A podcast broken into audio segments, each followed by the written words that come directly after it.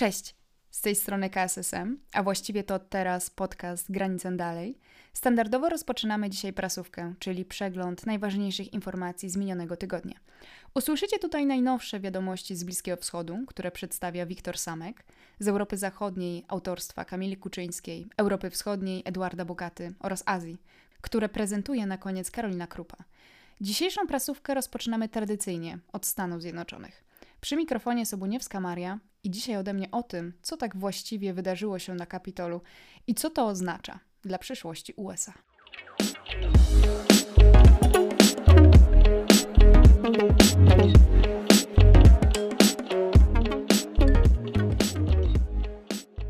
Na 6 stycznia Kongres Stanów Zjednoczonych wyznaczył datę posiedzenia, na którym połączony Senat i Izba Reprezentantów miały zatwierdzić wynik głosowania kolegium elektorów w wyborach prezydenckich. I ta procedura polega na zliczaniu głosów elektorskich, które zostały oddane 14 grudnia, i w skrócie chodzi o zatwierdzenie zwycięstwa Joe Bidena. Żeby było jasne, to nie jest jakieś niezwykle istotne spotkanie, na którym dzieją się losy Ameryki. To jest po prostu formalność, która nie wzbudza, przynajmniej dotychczas nie wzbudzała większych emocji, a w Polsce myślę przeszłaby bez echa, gdyby nie jeden fakt. Tego samego dnia prezydent Trump zwołał wiec swoich zwolenników w Waszyngtonie i w czasie spotkania wzywał do zaprotestowania przeciwko jego zdaniem nieuczciwie przeprowadzonym wyborom, czyli standardowa gadka o fałszerstwie.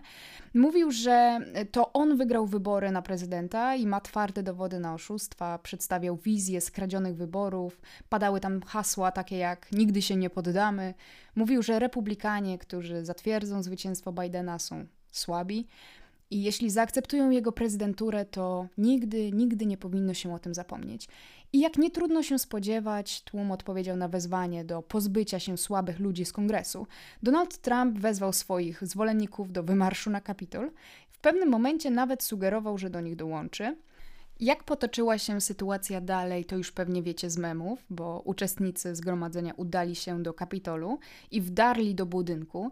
W obawie przed fizycznym atakiem na członków kongresów obrady oczywiście zostały przerwane. Parlamentarzyści i pracownicy ISP musieli zostać ewakuowani i ukrywać się w zabarykadowanych pomieszczeniach. Z Kapitolu ewakuowano obecnego wiceprezydenta Mike'a Pence'a i przyszłą wiceprezydent Kamala Harris.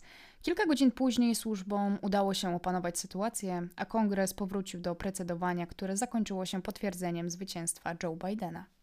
Dla mnie cała sytuacja osobiście brzmi trochę jak scenariusz do filmu jakiejś klasy B. To znaczy, z jednej strony mamy zdjęcia ludzi wspinających się na mury budynków, niczym na barykady, z drugiej fotografie ludzi wynoszących mównicę, człowieka w przebraniu bizona z flagą USA, w końcu kobietę palącą skręta w jakiejś sali i mężczyznę z nogami na biurku spikerki Nancy Pelosi. I ta sytuacja, chociaż absurdalna, to w takim kształcie mogłaby się jeszcze jakoś bronić, gdyby nie fakt, że podczas zamieszek zginęło pięć osób.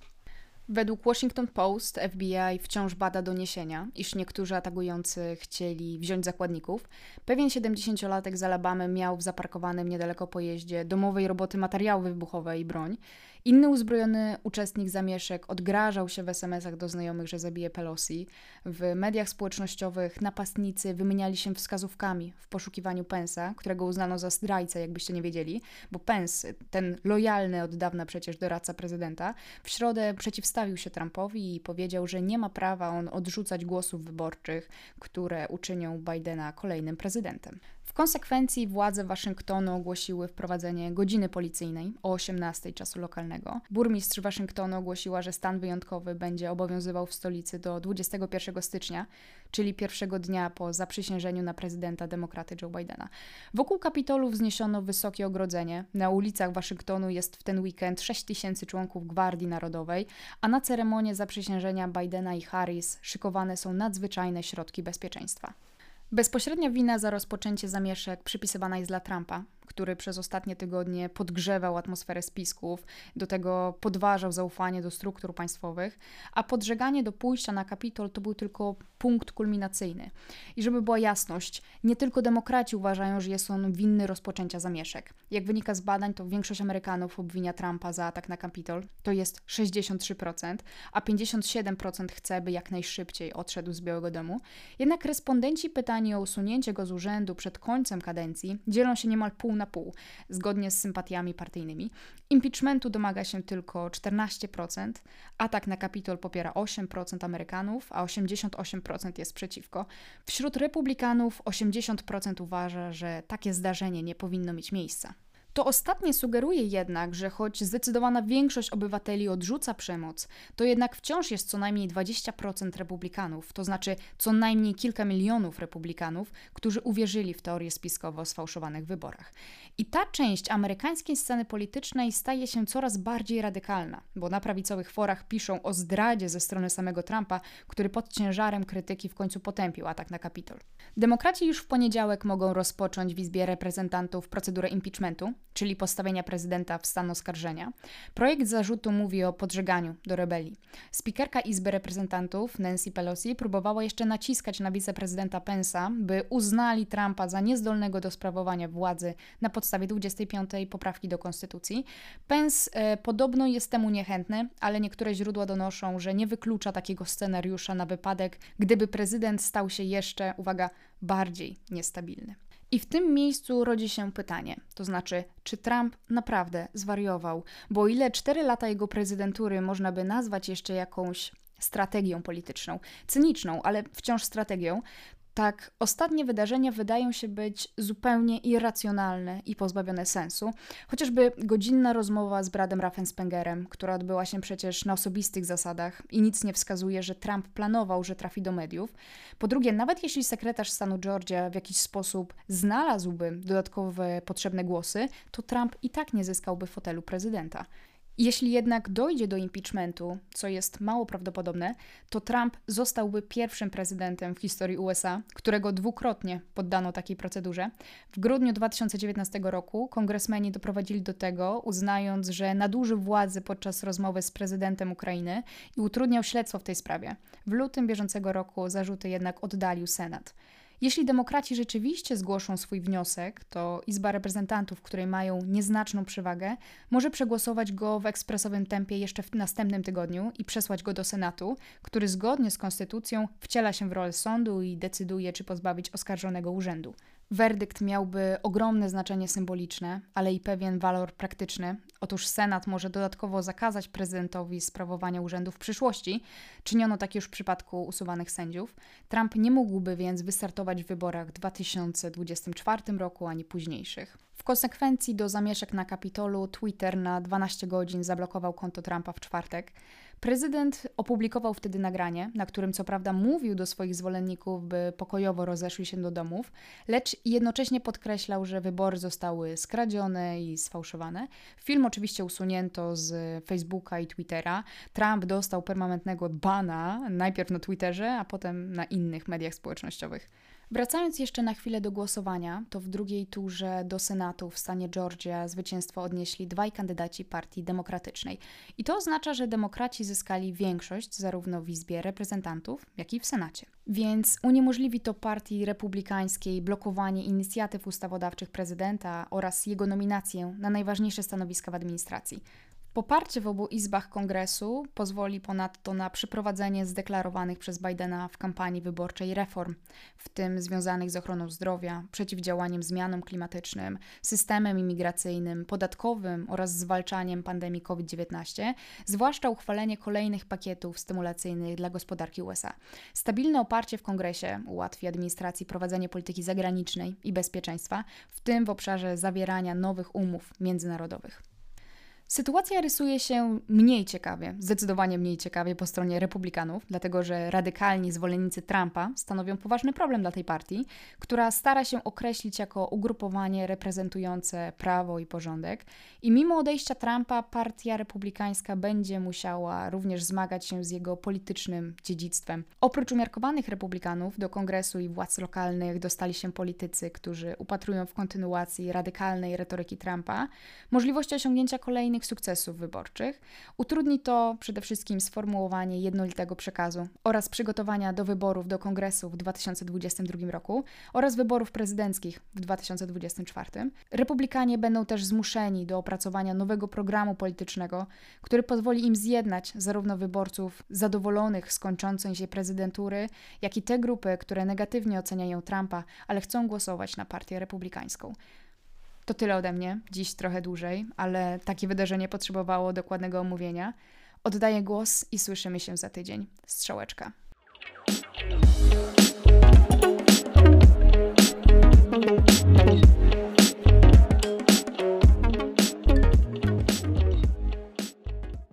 Hej, z tej strony Wiktor Samek. Spójrzmy, co ciekawego działo się w tym tygodniu na Bliskim Wschodzie. Nie mam zamiaru ukrywać, że Maria najpewniej skradła dzisiaj show nam wszystkim i mimo, że trudno będzie rywalizować z tym, co działo się w ostatnim tygodniu w Stanach, żadni rogaci szamani nie wysuwali się w tym tygodniu na plan pierwszy na Bliskim Wschodzie, to i tak działo się całkiem sporo. Tematycznie można by zacząć chociażby od wyrażenia przez irańskich przywódców zaniepokojenia stanem amerykańskiej demokracji. No, to musiało co niektórych zaboleć. Ale zacznijmy może od Arabii Saudyjskiej, bo był to bez wątpienia ciekawy tydzień dla Riyadu. We wtorek pojawiły się doniesienia o zawarciu przez Saudów oraz trzy inne kraje arabskie Egipt, Bahrain i Zjednoczone Emiraty Arabskie porozumienia z Katarem.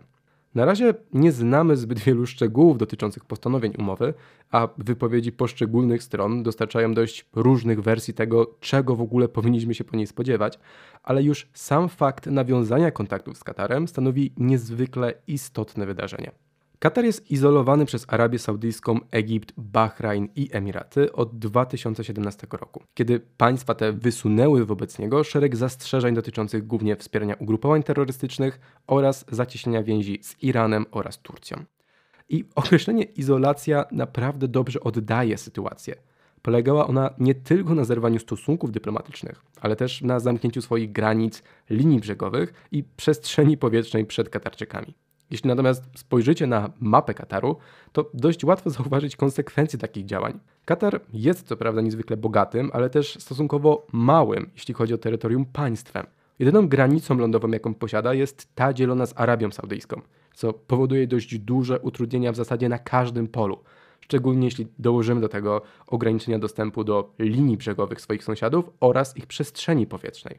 Od trzech lat próbowano więc jakoś rozwiązać ten problem, jednak trudno było mówić o jakichś szczególnych sukcesach. Państwa bojkotujące Katar wysunęły wobec niego listę dość absurdalnych żądań, takich jak m.in. zamknięcie finansowanej przez rząd Al Jazeera, czy właśnie ograniczenie kontaktów z Turcją czy Iranem. Dlatego Katar od początku postrzegał działania Saudyjczyków i ich partnerów jako chęć ograniczenia swojej suwerenności i zdecydowanie się im sprzeciwiał. Od tego czasu sporo się jednak zmieniło. Nie bez powodu to właśnie Saudowie, a w zasadzie książę Mohammed bin Salman, postrzegani są jako ojcowie całego porozumienia. To im najbardziej zależy na zwarciu szeregu państw arabskich w celu stawienia czoła zagrożeniu ze strony Iranu. Podobne hasła padały z ust saudyjskich dyplomatów komentujących fakt podpisania umowy. Dlatego też cała operacja miała mieć wsparcie ze strony USA, które jednak inaczej niż w przypadku porozumień Izraela z państwami arabskimi nie były tym razem widoczne na pierwszym planie. Poruszając już jednak temat Ameryki, warto wspomnieć o tym, że znormalizowanie przez Riyad swoich stosunków z Katarem zdecydowanie wzmocni jego pozycję w rozmowach z nową administracją Bidena, pokazując Saudyjczyków jako sprawnych graczy, panujących nad sytuacją w regionie, z którymi po prostu trzeba się liczyć. Jednak jest w tej historii sporo niejasności.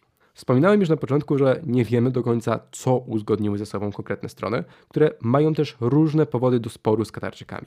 Na przykład Saudyjczycy skupiają się głównie na odciągnięciu Kataru od Teheranu, natomiast kraje takie jak Egipt czy Emiraty Arabskie większą wagę przykładają do wycofania przez niego poparcia dla niebezpiecznego z ich punktu widzenia bractwa muzułmańskiego. I wszystko to odzwierciedla się w stanowiskach poszczególnych państw. Podczas gdy Saudowie ogłaszają wielki sukces i zapowiadają przywrócenie zarówno relacji gospodarczych, jak i dyplomatycznych z Katarem, Emiraty podkreślają, że jest to dopiero początek drogi a obie strony potrzebują czasu, aby odbudować zaufanie wobec siebie. Zaufanie, które trzeba przyznać, jest w dyplomacji rzeczą dość istotną. Nie jest to więc może niewiarygodny przełom w relacjach między całą naszą uroczą piątką, ale na pewno jest to jakiś punkt zwrotny, który zdecydowanie zasługuje na uwagę. Nie jest to też jedyna istotna dla Saudyjczyków kwestia rozwiązana właśnie we wtorek, Chociaż podobnie jak w przypadku porozumienia z Katarem, można zastanawiać się, na ile jest to unormowanie sytuacji, a na ile prowizorium zapowiadające dalsze kłopoty. Na spotkaniu OPEC, największym producentem ropy naftowej, udało się dojść do porozumienia w sprawie kwot wydobycia surowca. Wszystko to działo się w kontekście trwającego od paru miesięcy sporu pomiędzy Arabią Saudyjską a Rosją, który również w tym przypadku dał o sobie znać. Saudyjczycy nalegali na ostrożność przy zwiększaniu ilości wydobywanej ropy, bojąc się perspektywy kolejnej fali wirusa i powrotu do bardzo niekorzystnej dla państw bogatych w ropę rzeczywistości powszechnego lockdownu. Rosja, pełna pięknego słowiańskiego optymizmu, nalegała natomiast na zwiększenie wydobycia, zwracając jednocześnie uwagę na ryzyko ze strony amerykańskiej ropy, która mogłaby uzupełnić powstałe w wyniku redukcji braki. Ostatecznie udało się zawrzeć kompromis, pozwalający Rosji i Kazachstanowi na niewielkie zwiększenie wydobycia. Zaraz potem Arabia Saudyjska, jak to nazywała akcie dobrej woli, ogłosiła jednostronne zmniejszenie wydobycia o milion baryłek dziennie. Wszystko to zaowocowało ostatecznie wzrostem cen ropy o ponad 4%, co biorąc pod uwagę kryzys branży wywołany przez koronawirusa, znaczy naprawdę dużo. Jednocześnie odżyły obawy, że Arabia Saudyjska może powrócić do wykorzystywania swojej pozycji największego eksportera ropy do jednostronnego manipulowania cenami. Ale są to obawy raczej przesadzone. Ogromną rolę odgrywa w tym właśnie rosnąca rola USA, które już teraz są na czwartym miejscu wśród eksporterów ropy naftowej na świecie. Dużo wskazuje więc na to, że czasy, w których OPEC mógł dość dowolnie obniżać poziomy wydobycia, już się skończyły, co może wcale nie jest też takie straszne. Tak czy inaczej, ten tydzień dostarczył nam paru nowych wątków, których rozwój będziemy dla Was pilnie obserwować. A ja się na razie z Wami żegnam i do usłyszenia już za tydzień.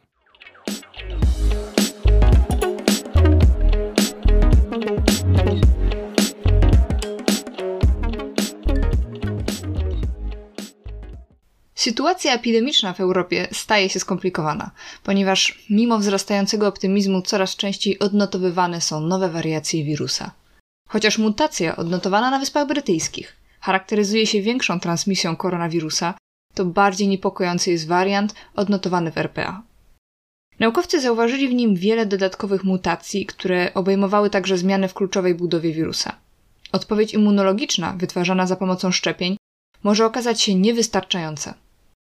Przedstawiciele Uniwersytetu Oksfordzkiego wierzą jednak, że uda im się odpowiednio zmodyfikować szczepionkę, by była adekwatna także w stosunku do tej mutacji. W tym momencie szczepienie dostępnymi środkami nadal pozostaje priorytetem w kwestii bezpieczeństwa. Z tego powodu prężnie musi działać akcja dystrybucji szczepionek zorganizowana przez Brukselę. W niektórych przypadkach dostarczenie szczepionek organizowanych przez Unię Europejską okazało się dużo trudniejsze niż oczekiwano. Sztorm Filomena, który dotarł do Półwyspu Iberyjskiego, spowodował pojawienie się oblodzeń i niespotykanych od dawna zasp śnieżnych w Hiszpanii. Podobne okoliczności pogodowe ostatni raz występowały na początku lat 70. ubiegłego wieku. Rząd Pedro Sancheza podjął wyjątkowe kroki. Zorganizowano konwoje eskortowane przez policję, aby umożliwić planowane rozesłanie szczepionek do władz regionalnych. Minister transportu, Abalos, Zobowiązał się również do utworzenia korytarzy dla dostarczania towarów. Zdeterminowanie niektórych pracowników służby zdrowia, aby dotrzeć do placówek, podniosło morale społeczeństwa. Ponieważ drogi w niektórych regionach były nieprzejezdne, media relacjonowały przykłady lekarzy i pielęgniarek, którzy zdecydowali się pieszo pokonać większe dystanse. Pochwały determinacji i zaangażowania skierował do nich hiszpański minister zdrowia. Czechy, jak inne państwa, także zmagają się z pandemią, choć nie robią tego w tak ekstremalnych okolicznościach jak Hiszpania. Obecnie plasują się na drugim miejscu pod względem przypadków zarażenia na milion mieszkańców w przeliczeniu na tydzień. Tak jak inne kraje Europy, Czesi rozpoczęli już szczepienia. Niektóre zamówienia szczepionek czekają jedynie na administracyjne zatwierdzenie. Czeski rząd zamówił 3 miliony szczepionek AstraZeneca, które mają być zaaprobowane przez Unię Europejską pod koniec stycznia. Czeska strategia szczepień ma objąć pół miliona ludzi do końca lutego i prawie milion do końca marca. Na kwiecień Republika Czeska spodziewa się dostaw powyżej 1 miliona szczepionek na miesiąc. Jak dotąd 40 tysięcy ludzi powinno uzyskać odporność w drodze zaszczepienia. Nie jest to jedyna kwestia, która zajęła Czechów w mijającym tygodniu. W piątek, 8 stycznia, w Pradze, odbył się protest, reakcja na szturm Kapitolu w Waszyngtonie. Demonstranci chcieli wyrazić swój sprzeciw wobec środków podjętych dla zapobiegania rozprzestrzenianiu się pandemii oraz zaprotestować przeciwko okolicznościom śmierci byłego słowackiego szefa policji. Wydarzenie to miało miejsce już kilkanaście dni temu. Milan Luczynski, przebywając w areszcie tymczasowym pod zarzutem korupcji i nadużycia władzy, postanowił popełnić samobójstwo. No i zmarł w szpitalu 30 grudnia.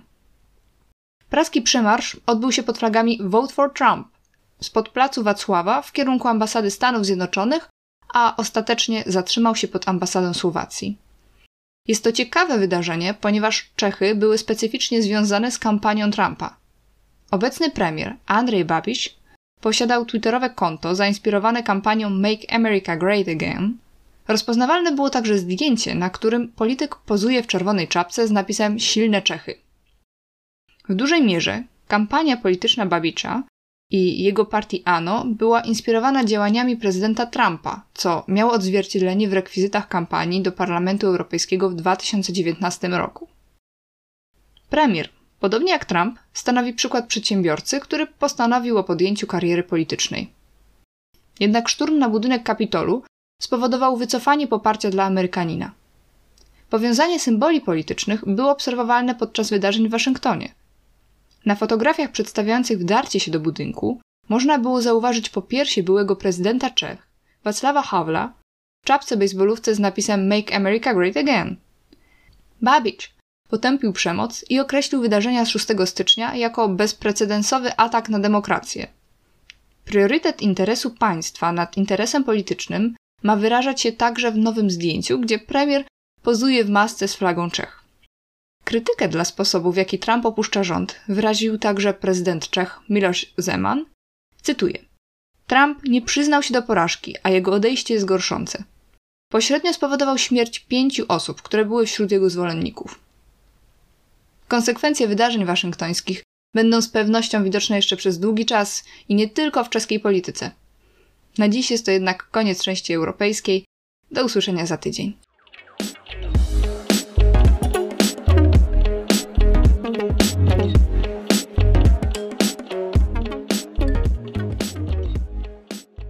Przejmuje pałeczkę i tradycyjnie zaczynamy od Białorusi. Światłana Cichanowska zaproponowała przeprowadzenie alternatywnego wszechbiałoruskiemu zjazdowi ludowemu zebrania. Przypomnę, że Wszechbiałoruski Zjazd jest pozakonstytucyjnym organem składającym się z najbardziej lojalnych wobec Łukaszenki osób. W inicjatywie Cichanowskiej natomiast może wziąć udział każdy Białorusin, który zgłosi swoją kandydaturę i wygra w wyborach, które się odbędą na online platformie Gołos. Delegaci tego zebrania będą e, działali na zasadach przejrzystości oraz będą uczestniczyli w dialogu z władzami e, w imieniu narodu białoruskiego. Tak się zakłada. Problemem zjazdu Cichanowskiej może stać się właśnie zasada przejrzystości, gdyż potencjalni delegaci na pewno będą się bali upubliczniać swoje dane prywatne, obawiając się prześladowania ze strony struktur siłowych. Łukaszenka natomiast udzielił wywiadu głównemu rosyjskiemu kanałowi telewizyjnemu. Prawdopodobnie jest to um, próba wybierania Łukaszenki w oczach Rosjan ze strony władz rosyjskich. Kilka tez Łukaszenki z wywiadu. Putin jedyny kolega Łukaszenki, ale ceny gazu i ropy naftowej są niesprawiedliwe. Cichanowska nie jest niezależnym politykiem. Manipuluje ją cała grupa ze stu Amerykanów, która pracuje pod Warszawą. Ich celem, jak i celem pozostałych opozycjonistów, jest rozpad Białorusi. Łukaszenka wiruje jak wywiórka w kole. Praca prezydenta nigdy się nie kończy. Łukaszenka nawet o tym nie myśli. Impuls do spotkania Łukaszenki z więźniami politycznymi w więzieniu KGB dali mu Rosjanie, którzy chcieli dialogu władz białoruskich z opozycją. A protesty na Białorusi wciąż trwają. Jedną z nowych form stało się zakładanie biało-czerwono-białych skarpetek lub innych elementów odzieży i ich manifestowanie w transporcie publicznym. A co w Rosji? Władze rosyjskie wprowadziły obowiązek załadowania określonego oprogramowania na gadżety, które są sprzedawane na terytorium Rosji. Między innymi chodzi o Mail.ru, Yandex, sieć społecznościową WKontakcie i Odnaklasniki oraz aplikacje usług państwowych. Apple, Samsung, Google i inne firmy wyrażały swój protest i prosiły Putina odchylić tę ustawę, gdyż narusza ona zasady WTO oraz może doprowadzić do monopolizacji rynku przez firmy rosyjskie. Jednak nie dało to spodziewanego efektu. Ustawa została przyjęta. A co tam słychać na Kaukazie Południowym? 11 stycznia odbyły się negocjacje trójstronne pomiędzy liderami Rosji, Armenii i Azerbejdżanu, w wyniku których uzgodniono głównie gospodarcze aspekty nowego ładu na Kaukazie Południowym. Omówiono kwestie odblokowania dróg i kolei oraz odbudowania infrastruktury.